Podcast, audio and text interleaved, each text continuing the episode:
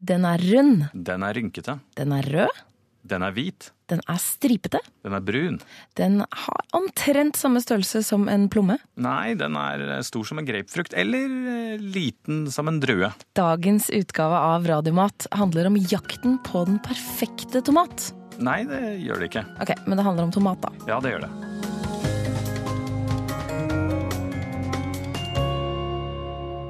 Den italienske futuristen Filippo Tomassi Marinetti drømte om at en gang i fremtiden ville man kunne formidle mat gjennom radio. At man rett og slett spiste det man hørte. Helt slik er det ikke blitt, men nesten. Og med dette programmet som vi har valgt å kalle nettopp Radiomat, skal vi prøve å gi deg spiselig kunnskap. I Radiomat skal vi snakke om matens kulturhistorie, om råvarer, om matens betydning opp gjennom historien og i vår tid. Og vi skal snakke om smak, for hva er vel egentlig bedre enn når vår sult på god mat og vår nysgjerrighet på kunnskap smelter sammen? Ovenfor meg sitter kokebokforfatter, matentusiast og småbonde Andreas Vistad.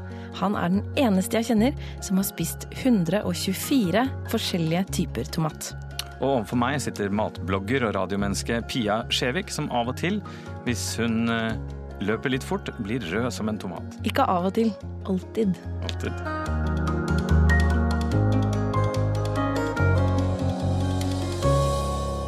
La oss bare gjøre én ting klart først. Tomat. Frukt eller grønnsak?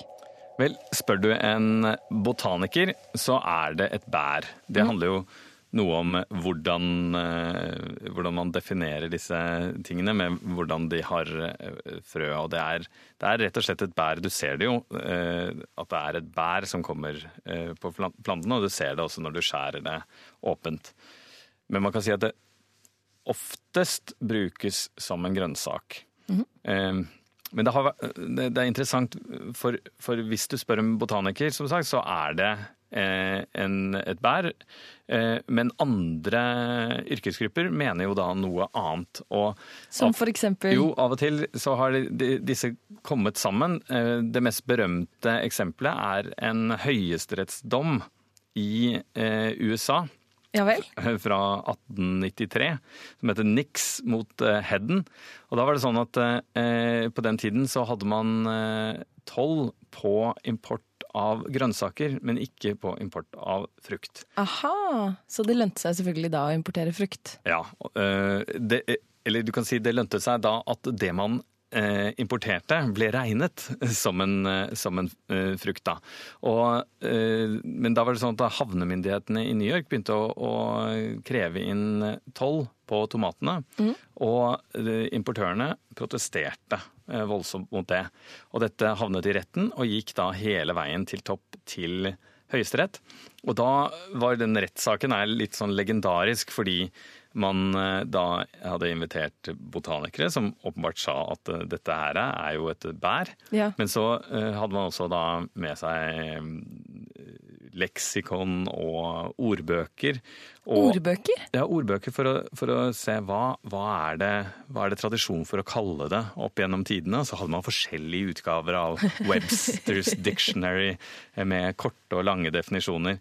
Men til slutt da så, så kom dommen. Det var en, en, en rettssak som varte i, i mange måneder. Og Ja. til slutt så kom kjennelsen hvor det sto at eh, på grunn av at bruken er som grønnsak, så eh, må den betale toll som grønnsak også. Det er vel egentlig bare rett og rimelig, for man spiser den jo aldri som et bær. Nei, man gjør jo nesten aldri det, men av og til faktisk eh, på sommeren når eh, tomatene er skikkelig gode og søte, så, så tar jeg tomater og så skjærer jeg dem i små biter. Og så eh, strør jeg over litt grann sukker. Ikke mye, altså. Eh, Hvis jeg har et par hundre gram tomat, så strør jeg over kanskje et par eh, teskjeer med sukker. Ja. Og så river jeg opp noen bringebær eh, over, og så blander jeg det. Og så setter jeg det i fryseren bare sånn at det så vidt fryser til. Og det er en kjempedeilig sånn eh, frisk, litt syrlig dessert. Og det morsomme med den er jo at det er bringebærene som er surest. Er det sant? Det høres på en eller annen slags måte både veldig godt og veldig rart ut. Er det en spesiell type tomat du bruker? Nei, da bruker jeg jo litt eh, søte og smaksrike tomater.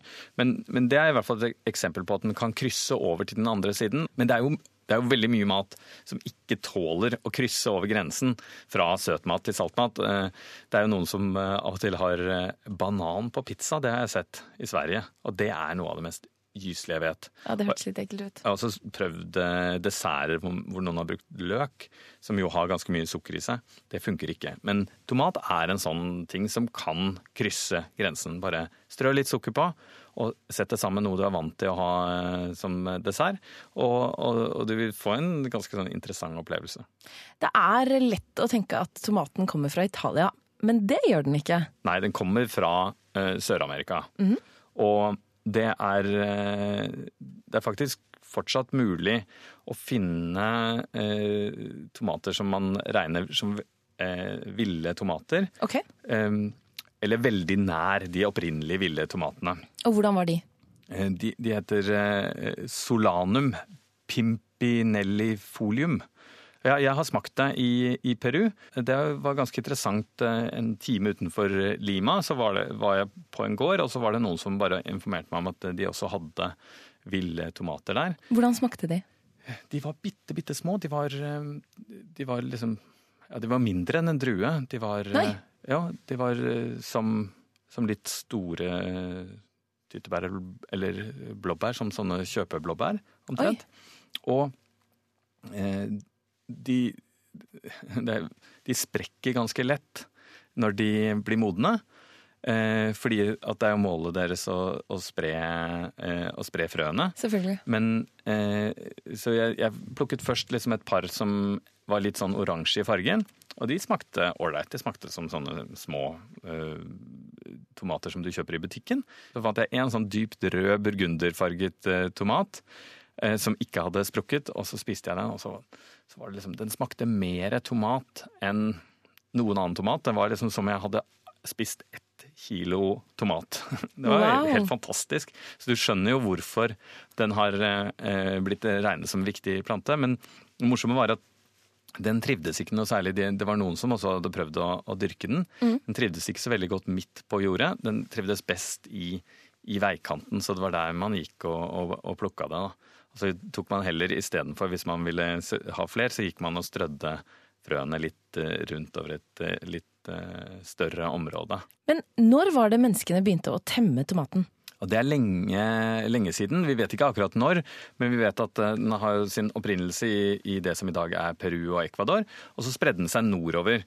Og så har man funnet rester av tomater fra det som i dag er Mexico, som eh, stammer 2500 år tilbake i tid. Det var da man begynte å dyrke fram spesielle egenskaper, sånn at de begynte å ligne mer på det vi oppfatter som tomater i dag.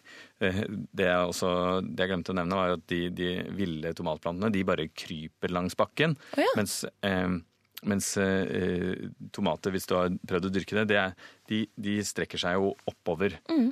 Eh, så, så, det er etter hvert ganske mange forskjeller både på bæret og selve planten. Vi er fortsatt i Amerika nå. Når kom tomaten til oss her i Europa? Det var rett etter den såkalte oppdagelsen på slutten av 1400-tallet. Så eh, antagelig så var det han eh, erobreren Cortés som, eh, som, var den som introduserte det og brakte det øst igjen. Og hvordan tok vi den imot? Eh, med en, en, viss skepsis, eh, kan man si. Ja. Eh, det, det, var jo både liksom var man litt henrykt over de nye, de nye tingene eh, fra Amerika, ja. men man var også ganske redd for dem. Og, og tomaten var man jo til dels veldig redd for. Hvorfor det? Det var jo mye overtro at man eh, var redd for maten fra det nye eh, kontinentet. Man var fascinert, men også liksom tenkte at det var skummelt. Kanskje var det ikke Gud som hadde skapt dette kontinentet, det var jo bare hedninger der. Um, uh, og så var det noe som er litt sånn berettiget. At man ser at tomaten ligner litt på plantene i søtvierslekten. Altså det er jo samme slekt, egentlig, ja.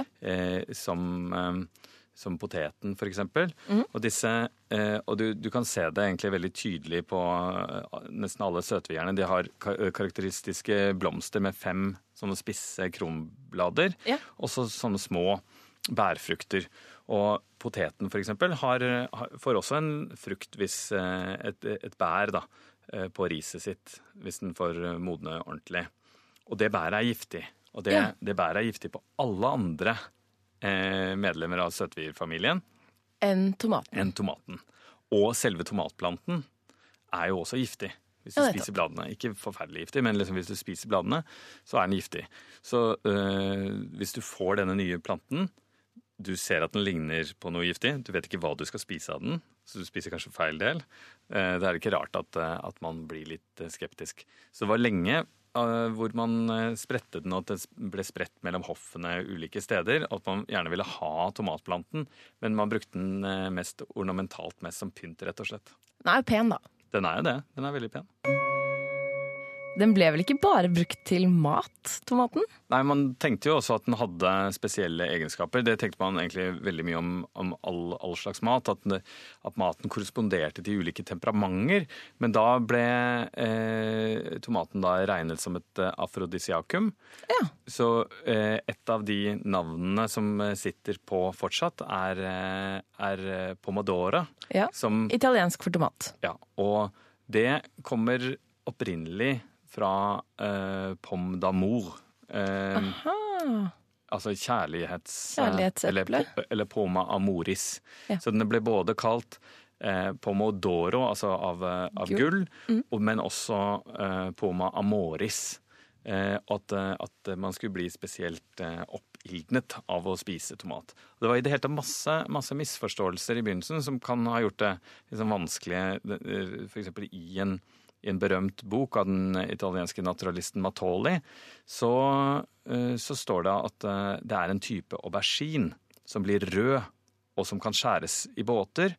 Men den spises akkurat som aubergine. Det vil si altså at du må fritere den i olje og ha på salt og pepper osv. Dette var i 1544, så da hadde den vært der eh, i Italia i noen tiår. Og så ser du at den fortsetter som en sånn type kuriositet i eh, mange tiår, og så plutselig så får den bred aksept. Og i dag så kan man jo nesten ikke tenke seg det italienske kjøkkenet uten. Hvor mange forskjellige typer tomat finnes det? Og det er nesten uendelig. Altså Offisielt eh, så finnes det flere tusen. Men, men det er jo sånn at eh, hvis du har en eh, plommetomatplante ved siden av en sherrytomatplante, og de pollinerer hverandre, så er eh, spillet i gang. Da har eh, genene begynt å blande seg. Og da kan man få en helt ny type tomat? Du kan faktisk få mange nye typer. Du kan i prinsippet få en ny type i hver av eh, de tomatene. Så egentlig så er alt jeg trenger å gjøre for å begynne å eksperimentere med tomater, er å gni blomstene fra to forskjellige tomater mot hverandre? Ja, og det kan godt hende at det skjer helt uten at du blander deg også. At eh, det er bare en eh, bie eller en liten marihøne som flyr forbi, og så er jobben gjort.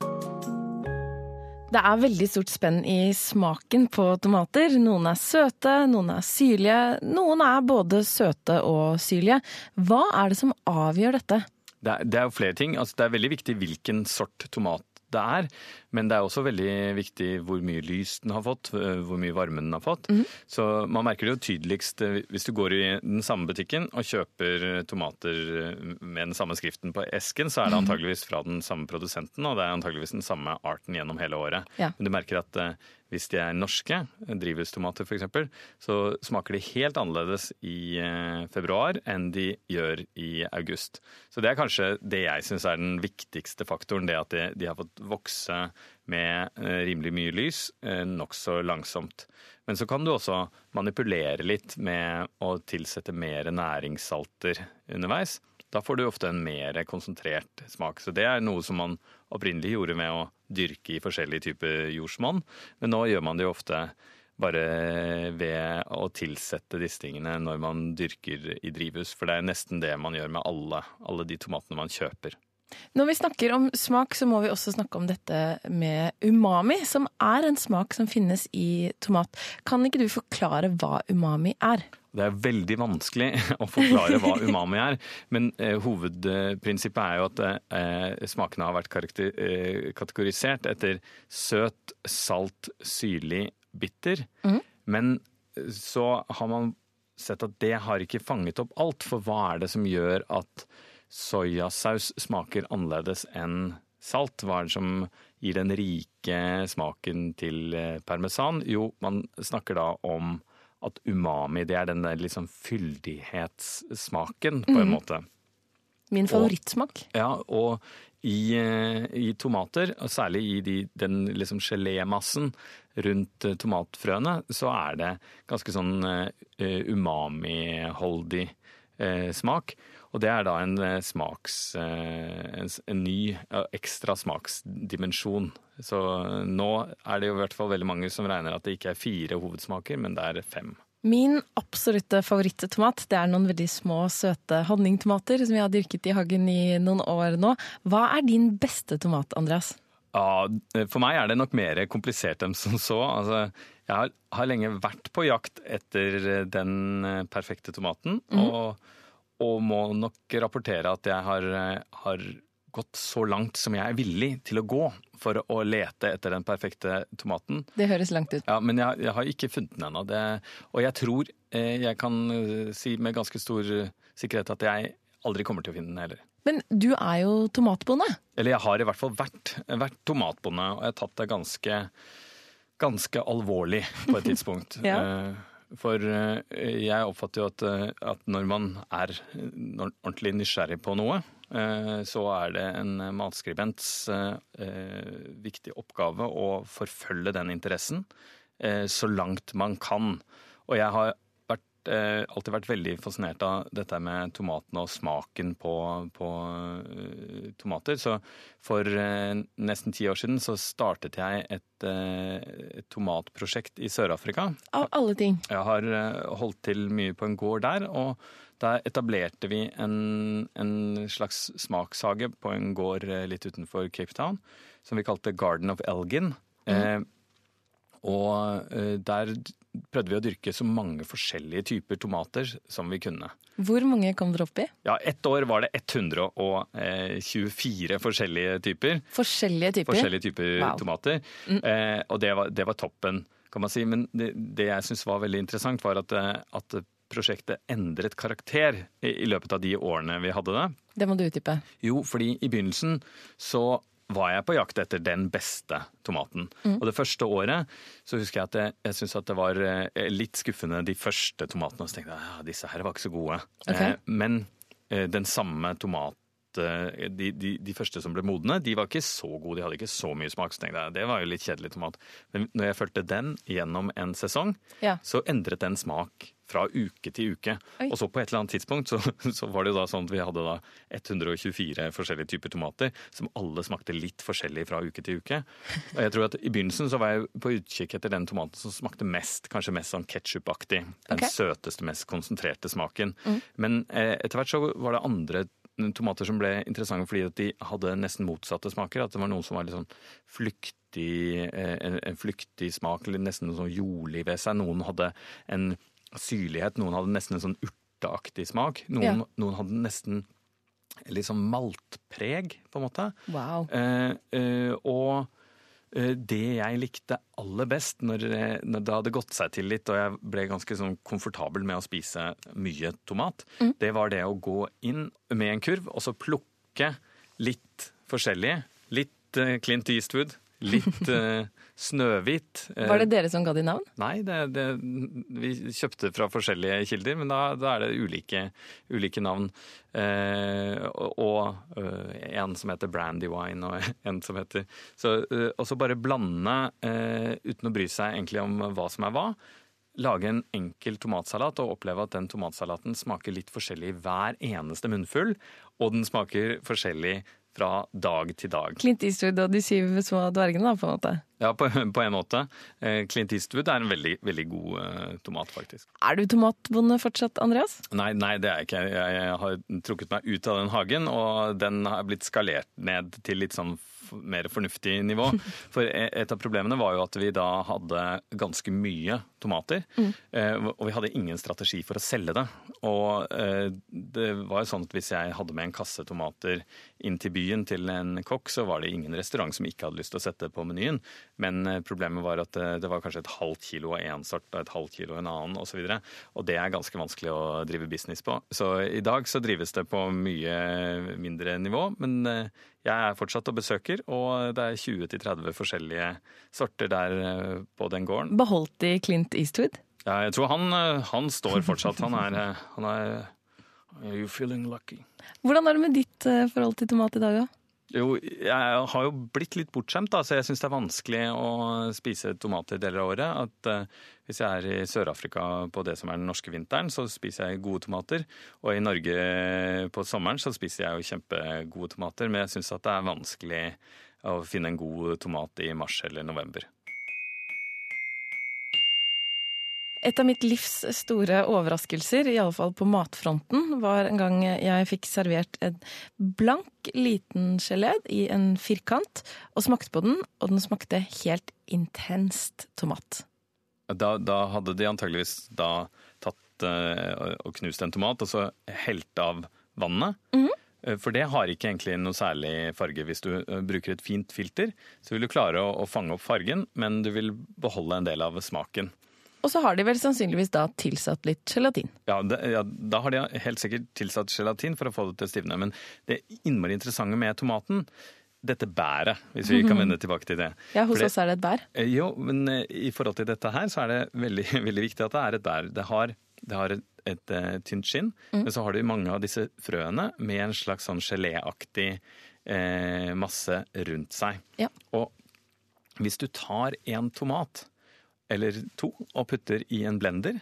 Og så setter du blenderen på, ikke da i ti sekunder inntil den ser most ut, men i kanskje 40 sekunder eller et minutt. Så heller du det over i et glass, og så lar du det stå. Da vil det faktisk stivne til gelé. Hvordan smaker det? Ja, det kan du gjette det. Det smaker det smaker tomat. Eh, men eh, det smaker jo på en måte litt eh, blassere. Så de gangene hvis man ønsker å gjøre det ikke bare som et kjemieksperiment, så, så kan man jo smaksette den med noe man liker. At man smaksetter den med litt salt og litt urter. Da kan det være en kjempefin, deilig liten forrett. Hvis det er forretten, la oss gå til hovedretten, og det er selvfølgelig dagens oppskrift, som kommer fra Italia. Ja, Som kommer fra eh, området i nærheten av eh, Napoli. Napoli var jo en, et av de eh, stedene hvor mange av eh, matvarene fra den nye verden kom inn til Italia. Det var et stort hoff der. Det var en eh, spansk link der. Og det er der eh, man dyrker det som regnes som noen av verdens beste tomater. Eh, særlig en bygd som ligger eh, en eh, halvtimes tid utenfor Napoli, som heter San Marzano. Og det, det, var et område som ble veldig rikt utover på 1800- og begynnelsen av 1900-tallet, når man begynte å få hermetikkindustri. Så kom liksom de hermetiserte tomatene derfra. Mm. Og jeg var på ferie i Italia, i det området. Jeg er sånn som stoler veldig mye på italienere når det gjelder mat. Mm. Så jeg pleier å gå inn i en restaurant og si hva har dere lyst til å servere meg? Ja. Og dette var da i september bare noen få kilometer fra San Marzano, og alle svarte det samme. De sa vet du hva, jeg har en kjempegod idé. Spagetti con salsa di pomodoro. Det er jo en klassiker, da. Og første gang så ble jeg litt overrasket. At jeg tenkte her gir jeg muligheten til at du kan selge meg det dyreste du har, det mest ekstravagante, det som vanligvis sånne dumme turister fra nord ikke vil ha. Men det han ønsker å selge meg, er en pasta med tomatsaus. Men uh, allerede første gang så skjønte jeg at det er noe uh, spesielt med det. Og det var den beste tomatsausen jeg noensinne har smakt. Og det handler jo selvfølgelig mye om tomatene, men også om selve oppskriften. Men ville de gi deg oppskriften? Ja, det er jo ikke noe vanskelig oppskrift. Det er rett og slett, og jeg fikk være med inn på kjøkkenet og se hvordan man gjorde det. Mm. Da tar man og skjærer opp eh, tomater i, i terninger. Yep. Og så tar hvitløk og olje i en panne. Mm. Og så eh, steke hvitløken på sånn moderat varme en stund. Og så har man oppi eh, tomatene. Og i Norge så vil det ofte lønne seg kanskje å kjøpe små tomater, sånn type sherrytomater, for de har litt mer, mer smak. Eh, og så bare eh, koke det sammen med stilken til eh, basilikum. Aha, så lurt. For den har også litt grann smak i seg, Ja. mens eh, selve bladene de kollapser jo bare med en gang. Så koke det i, i fem til eh, ti minutter, og så fisker man ut basilikumstilken, kjører den gjennom en matmølle, men man kan, hvis man ikke har det, så kan man eventuelt bruke en dørslag, eller så kan man bruke en eh, stavmikser til å mose det sammen. Ja. Og så eh, vende inn eh, basilikumblader, og så masse pecorino, som er den sauemelksosten som minner litt om parmesan. Du kan også bruke parmesan, men i Sør-Italia så er det vanligere at man bruker pecorino. Og så bare vende denne blandingen, som faktisk er en emulsjon, inn i pastaen. Og det er eh, så utrolig enkelt, men hvis grunnlagsmaterialet, hvis tomatene er gode, så kan jeg ikke tenke meg noe bedre mat. Det skal jeg i alle fall lage til middag i kveld. Det var alt vi rakk i Radiomat. Tusen takk for at du hørte på, og last gjerne ned Radiomat-podkasten hvis du vil høre igjen. Jeg heter Andreas Wiestad. Og jeg heter Pia Skjevik.